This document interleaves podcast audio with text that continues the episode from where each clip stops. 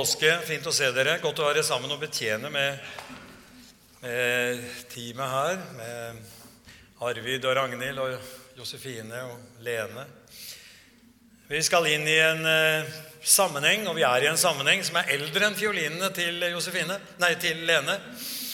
Uh, men som har holdt seg enda bedre enn fiolinene hennes gjennom 2000 år. Og som jeg tenker også blir bedre og bedre dess lenger budskapet lever. Eh, dette bildet er fra en hindufestival. Nei, det er ikke i India. Det er ikke et sted i Afrika. Det er fra Rødtvet i Oslo. Det sto i en avis. Norges største hindufestival for en krigsgud. Hvorfor? Dette som vi nå ser på bildet, med nagler festet i ryggen og store byrder på skuldrene? Jo, målet er å slette åndelig gjeld med smerte. Ikke uvanlig i religionenes verden. Det går som en rød tråd gjennom religionshistorien. Utføre ritualer med fysisk smerte for å balansere opp for åndelig gjeld og annen gjeld. De ber Guden om noe, god helse, rikdom, andre ting. Og så gir de smerte tilbake til Guden, forteller en talsmann for hindufestivalen. Bibelens frelsesbudskap er radikalt annerledes. Totalt annerledes. Jesaja fikk budskapet fra Gud mange århundrer før Jesus kom, og det er jo nesten som å stå på Golgata. Men han ble såret for våre overtredelser og knust for våre misgjerninger, som vi hørte i sangen nettopp. Straffen lå på ham for at vi skulle ha fred. Ved hans sår har vi fått legedom. Kristne har gjennom 2000 år sett på dette som det fremste av alle profetier om Jesu lidelse og død. Det er nesten som et fingeravtrykk. vet du, Når du får satt fingeravtrykket og kan lese det og ser en finger, så kan du se på det fingeravtrykket og så kan du se på fingeren og si ja, men det er jo samme sak. Det er samme bilde. Det er samme person. Så vi står med profetien i den ene hånden, så ser vi budskapet om Jesus, evangeliefortellingene som vi fikk hørt nettopp fra, i den andre hånden, og så ser vi ah, det er samme sak. Han, Jesus, var den som ble såret for våre overtredelser, knust for våre misgjerninger. Straffen ble lagt på Jesus, ikke på oss men for at vi skulle ha fred. Og ved de sårene han fikk, ikke de vi påfører oss selv, har vi fått legedom. Dette er en hovedsannhet i vår kristne tro. Jesus for oss. Straffen lå på han for at vi skulle ha fred. Men evangeliet har en annen side også. Og Det er den jeg har lyst til å gå litt over til og ha et fokus på i fortsetningen. Hovedfokuset er dette Jesus som led for oss, men Jesus led også med oss. Smerte handler nemlig ikke bare om trang til soning, sånn som disse hindu-personene eh, gjorde. da. Eller som mennesker gjør, forsøker å såre seg selv eller skade seg selv. Eller på annen måte sone smerte. Men den er, smerten er en realitet i vår verden. Det ser vi ikke minst i vår, våre dager og i vår tid. Så til de grader demonstrert. Og den er til stede i våre kropper. Vi kjenner på det, vi kan kjenne på det, og noen her kjenner på det kronisk. Denne mystiske, meningsløse, fortvilede smerten som hører til det å være menneske. Og noen ganger overmanner det oss og vår verden fullstendig. Jesus er ikke utenfor dette. Han lider ikke bare for oss, og det er ikke bare i noen negativ betydning. Han lider for oss, men han lider også med oss. Det handler om vår synd, soning for vår synd, men det handler også om våre sår og det som er påført oss av og til av andre mennesker. La oss lese fra brevbrevet. For vi har ikke en øverste prest som ikke kan lide med oss i vår svakhet, men en som er prøvet i alt, på samme måte som oss, men uten synd.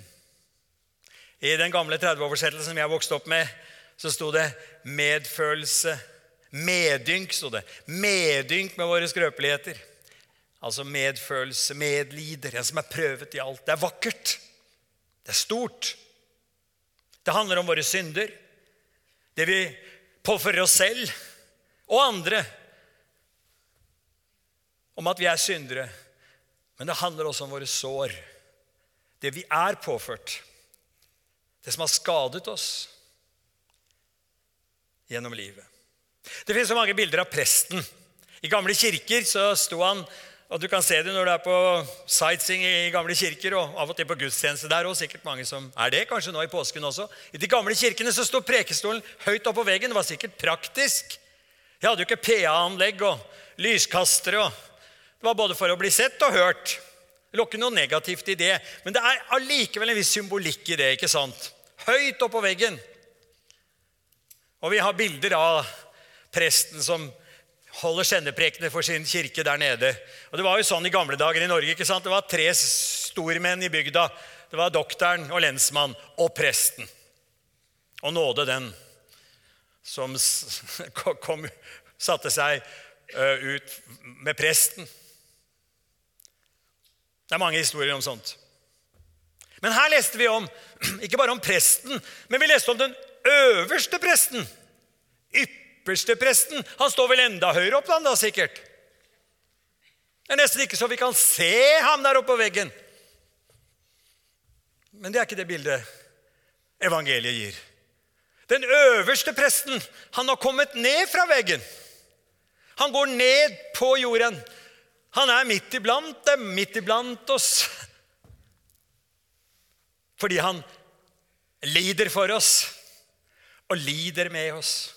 Se, han som går omkring og gjør vel, helbreder alle som er underkuet av djevelen, fordi Gud er med ham, oppsummerer Peter i sin store tale i Kornelius' hus i apostelgjerningene 10.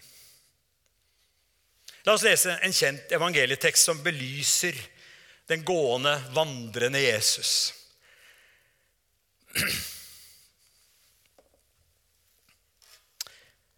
Fra Lukas 7.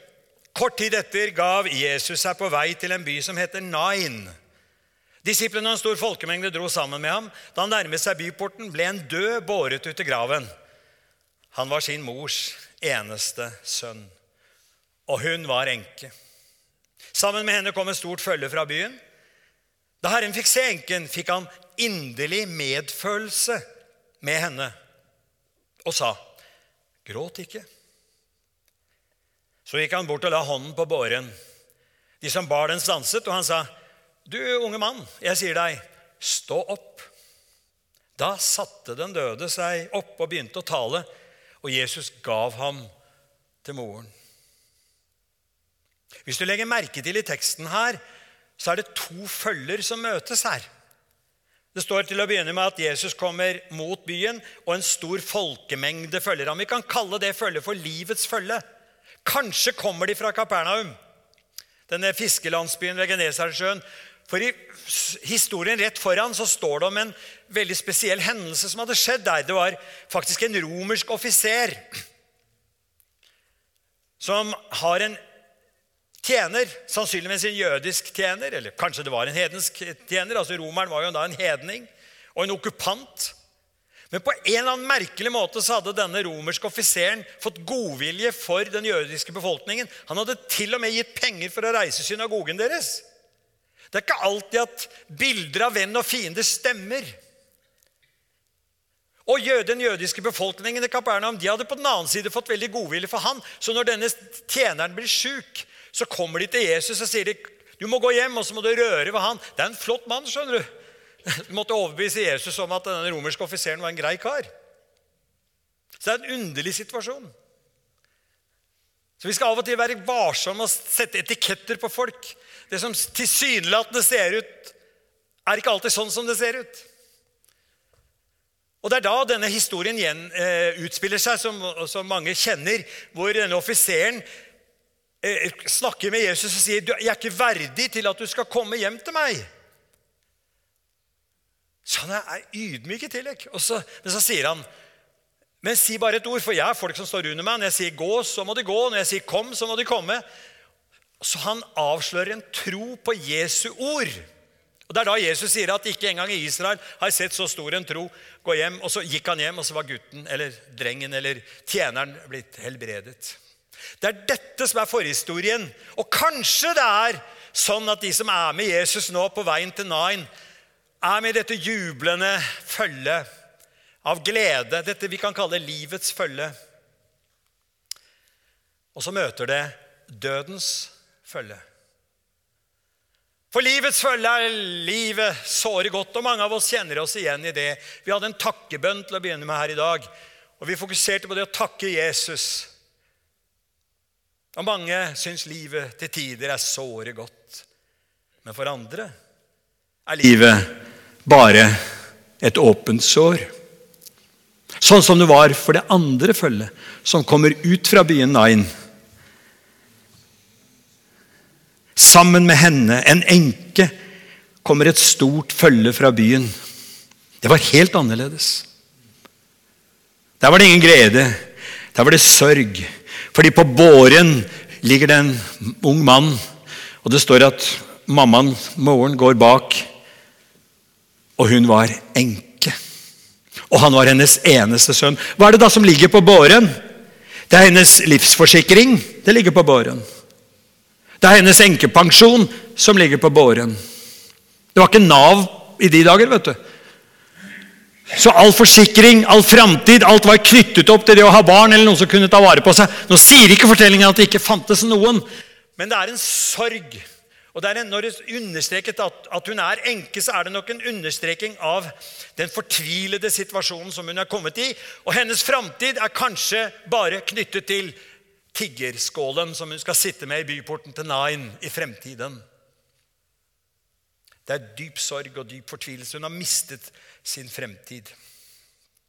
Så møtes disse to følgene. Vanligvis når livets og dødens følge møtes, så seirer døden. Døden griper alltid inn i livet. Det ser vi gjennom krigen, det ser vi gjennom sykdom, lidelse.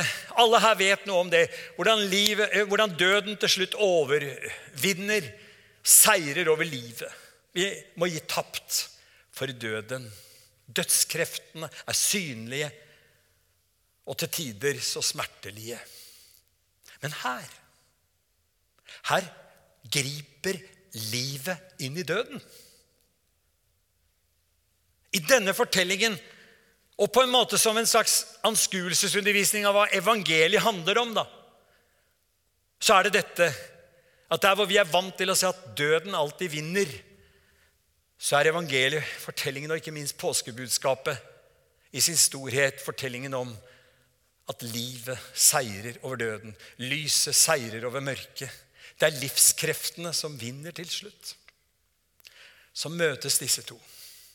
Kan du spørre underveis her, Hvilket følge er du med i? Hvor kjenner du deg hjemme inn ak akkurat nå?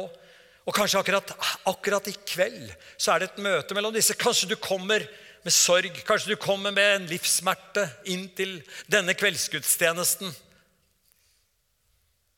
Og så er budskapet da at i løpet av evangelieforkynnelsen og formidlingen gjennom sang og skriftlesning og bønn, så møtes den eventuelle smerten vi kommer med, det møtes med livets krefter. Det møtes av Han som har seiret over døden. Noen ganger varierer vi mellom disse følgene. Og andre ganger utfordres vi når vi er i den jublende livets følge, at vi møter dødens følge, ikke minst gjennom flyktninger, mennesker som trenger oss, mennesker som kaller på oss. Hva gjør vi da? Flykter vi unna? Eller gjør vi som Jesus og stanser? Det er et ladet øyeblikk her, rett utenfor byporten, når de to møtes.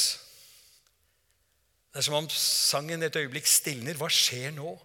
De har fulgt Jesus på veien fra Kapernaum. Fra en, en, en gledeshendelse med en stor helbredelse. Og så kommer dette sorgens følge mot dem. Hva skjer nå?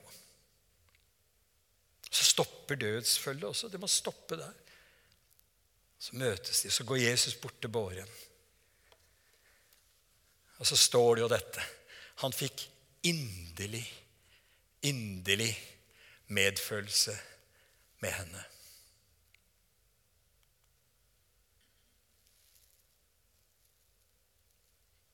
Gråt ikke, sier han.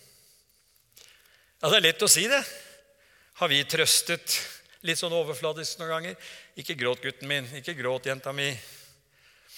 Ofte kan det være mager trøst, sier vi iblant, men ikke når Jesus sier det. Han har makt bak sine ord. Så går han bort og så legger han hånden på gutten på båren. Så sier han til ham, 'Reis deg opp.' Og så satte den døde seg opp og begynte å tale. Og så gir han, altså Jesus, gutten til sin mor, og hun fikk sin fremtid tilbake.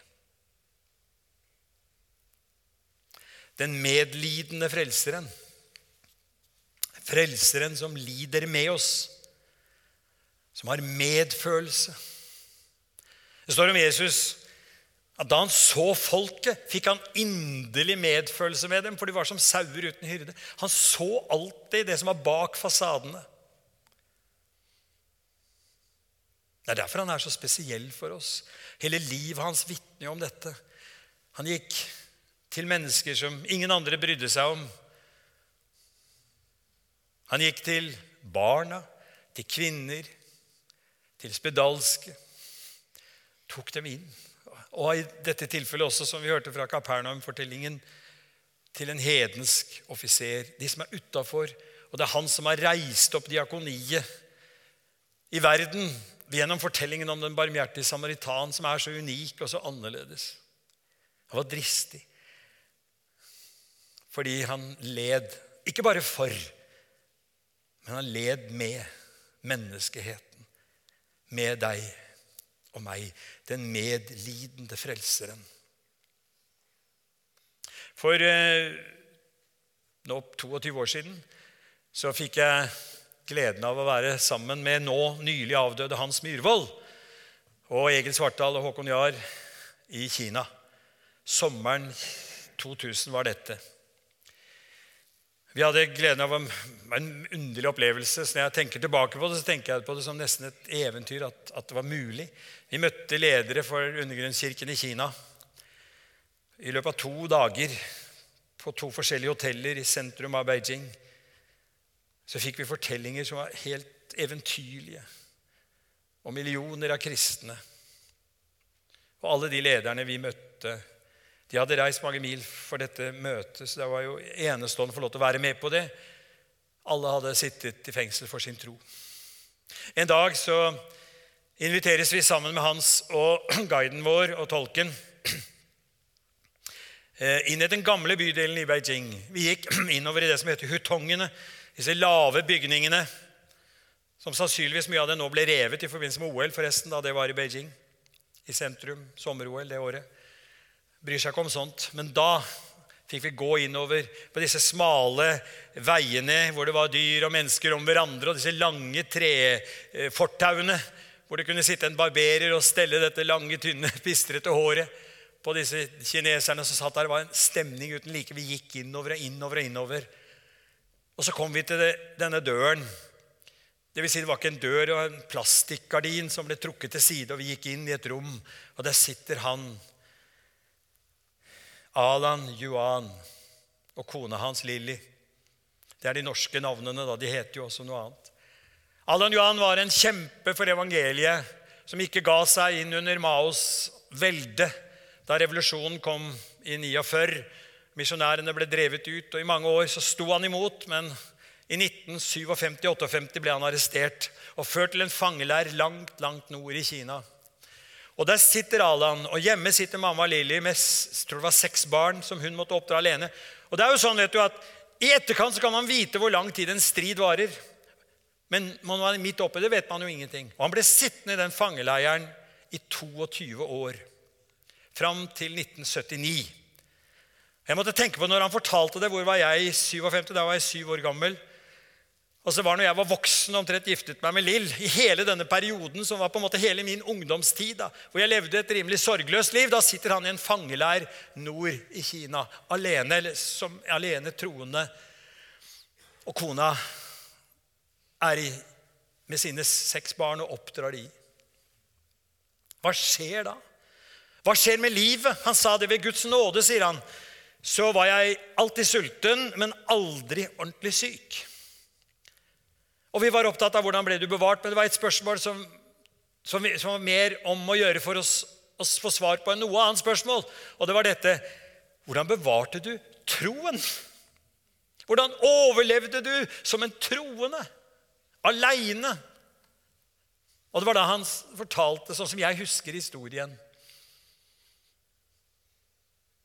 Jo, sier han, hver kveld som jeg hadde anledning til det, så gikk jeg avsides i leiren.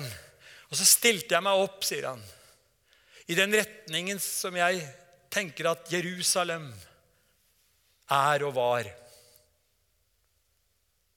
Så sto jeg så i den retningen, og så tenkte jeg på et kors. Og så sang jeg for meg selv en sang, en salme, kveld etter kveld, så sant jeg hadde anledning til det. Vi kjenner salmen. Jeg vil elske det eldgamle kors. Til dets mektige favn vil jeg fly. Jeg vil klynge meg fast til dets fot, inntil kronen jeg får over sky. Kan du stille deg ved siden av Alan? I en fangeleir langt nord i Kina, i mørket, aleine. Tenke deg inn i hans situasjon. Og bare ta inn disse ordene, repetere de, synge budskapet inn. Og kjenne hvordan det bærer. Skal vi gjøre det? Skal vi synge bare det ene verset? og dette? Bare trenger ingen, Ja, du kan gjerne få spille, Arvid. Det hadde ikke Alan. Han hadde ingen musikk. Det var bare den spede stemmen. Skal vi synge det verset og det koret? Jeg vil elske det eldgamle kors. Til dets mektige favn jeg. Jeg vil klynge meg fast til Inntil kronen jeg får over sky. På en høyde langt borte, på en høyde langt borte, sto en gang et kors, symbolet på smerte og skam. Hvor all verdens misgjerning og skjenn redsel og dom ble lagt på Guds hellige land. Jeg vil elske det eldgamle kors. Til dets mektige far.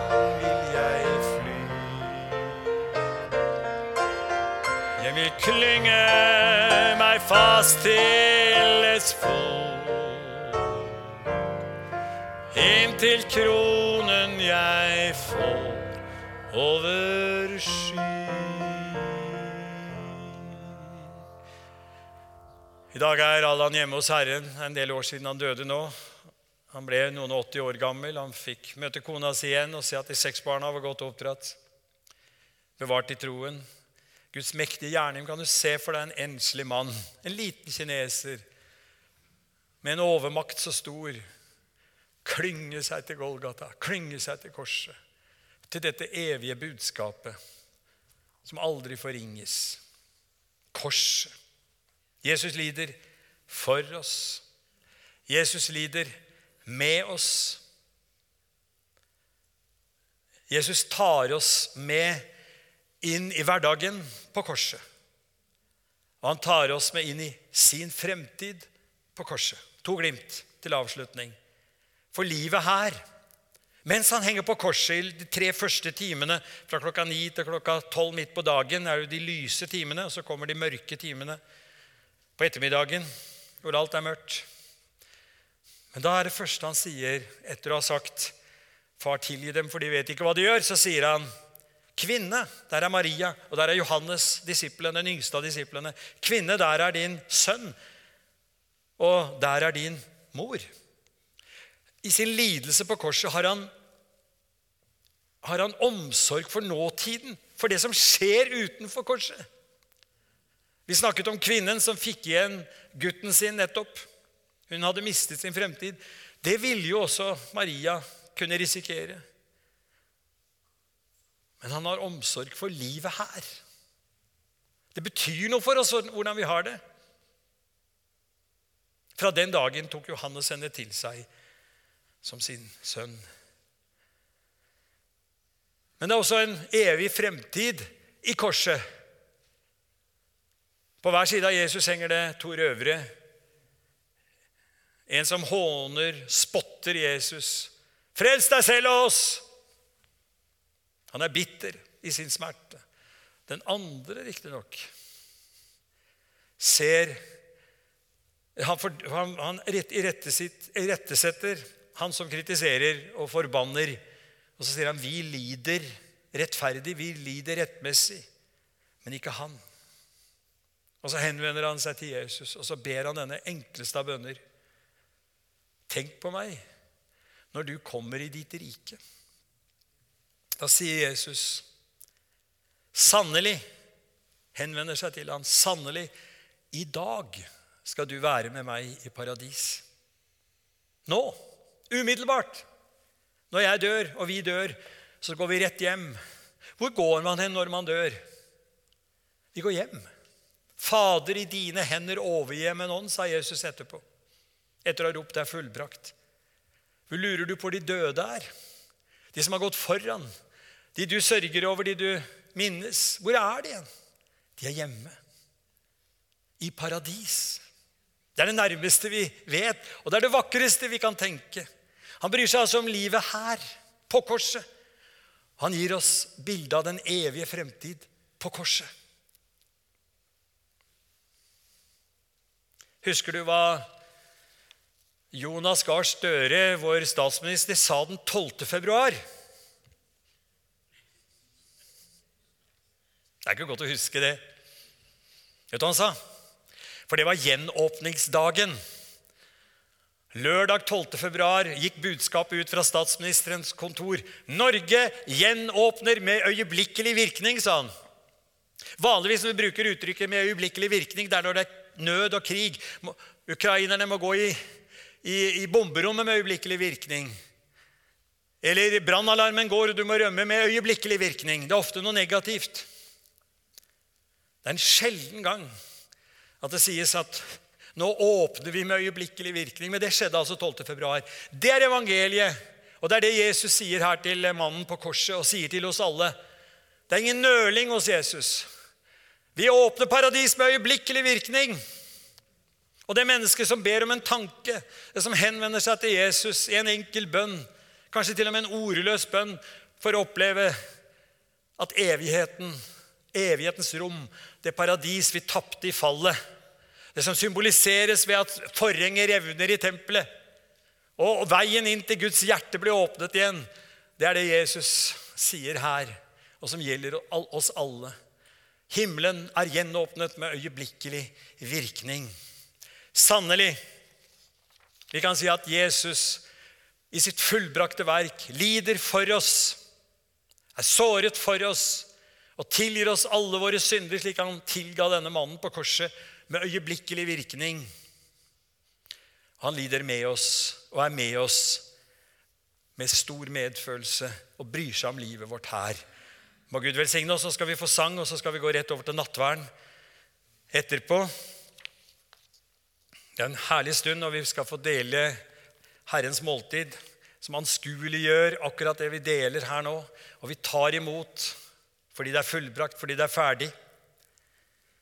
Og det er en som har sagt at der hvor vi vanligvis i, i eh, livet F.eks. når du er hos legen, eller hos, eh, ja, særlig hos legen, da, så betaler jo trygdevesenet det meste. Men det er noe som heter egenandel. Og så er det noen av oss som har tatt med oss det inn i troslivet vårt. Så vi tenker at Jesus har gjort alt, ja, nesten alt. da.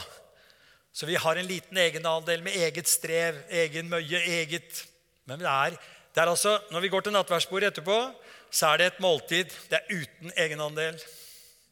Vi har bare å ta imot. Bare å ta imot. Glem ikke hindufestivalen, liksom alt det religiøse. Alle de som prøver å sone med egen smerte for sin synd og sine nederlag. Det trenger ikke vi. For det er Jesus har sonet og betalt alt. Syng for oss så går vi inn i nattverden.